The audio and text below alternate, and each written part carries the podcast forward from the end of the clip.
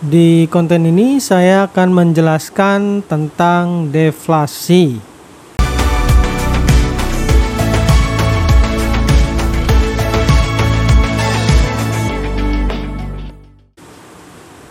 Mungkin selama ini kamu sudah tahu yang namanya inflasi, tapi tahukah kamu ada yang disebut dengan deflasi?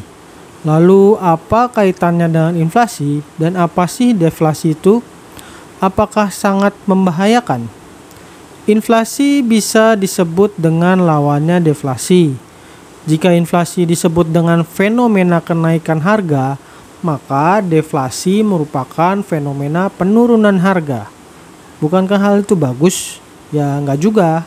Karena baik inflasi maupun deflasi itu membahayakan jika berlebihan atau bahkan tidak terkendali.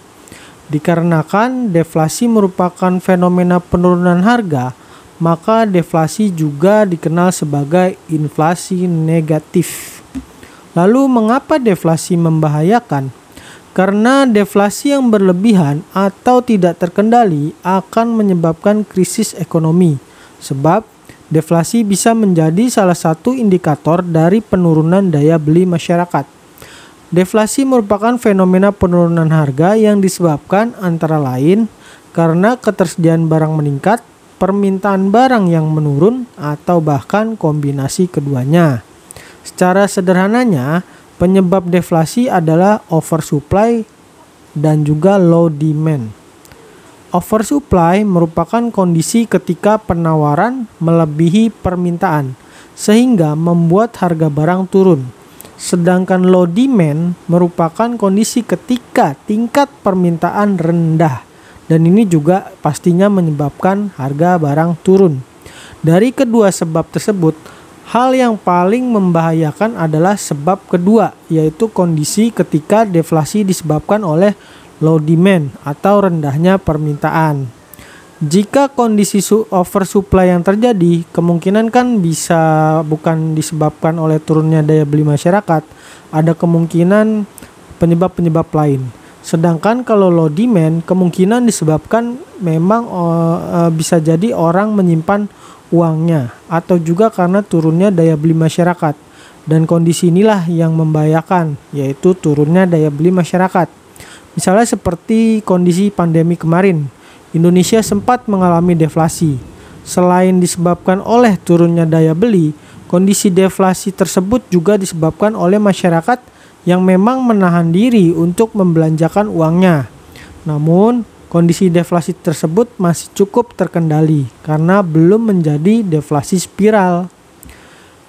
Deva, deflasi spiral itu merupakan kondisi yang berputar seperti lingkaran setan.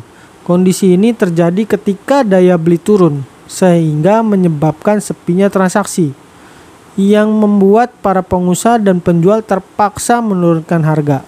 Akibatnya mereka pun merugi dan memicu PHK massal serta naiknya pengangguran. Hal ini tentu saja membuat turunnya daya beli masyarakat. Kondisi ini terus berputar semakin parah. Jika pengusaha banyak yang rugi, dampak lainnya adalah adanya kredit macet dan ini menyebabkan penerimaan negara dari pajak ikut berkurang.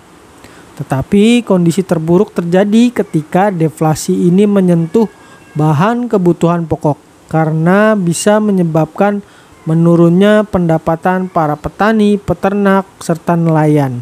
Efeknya tentu saja krisis pangan seperti yang pernah terjadi di Amerika. Kunci untuk mengatasi deflasi adalah berusaha meningkatkan aktivitas usaha para pengusaha.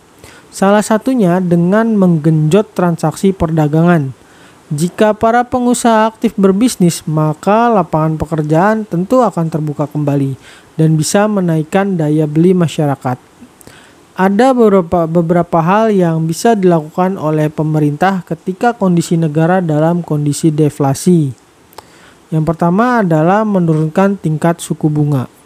Tujuan dari penurunan tingkat suku bunga ini biasanya agar pengusaha mau meminjam uang kembali, sehingga bisnis mereka akan aktif kembali. Harapannya tentu aja bisa menambah lapangan pekerjaan.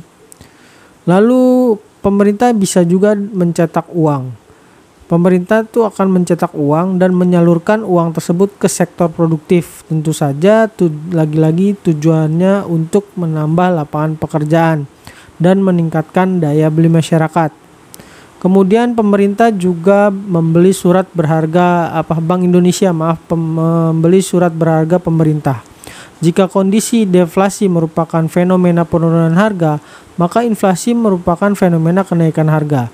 Salah satu penyebab terjadinya inflasi adalah uang yang beredar itu terlalu banyak, sedangkan kondisi deflasi akibat masyarakat menahan diri tidak berbelanja, maka terjadinya penurunan peredaran uang.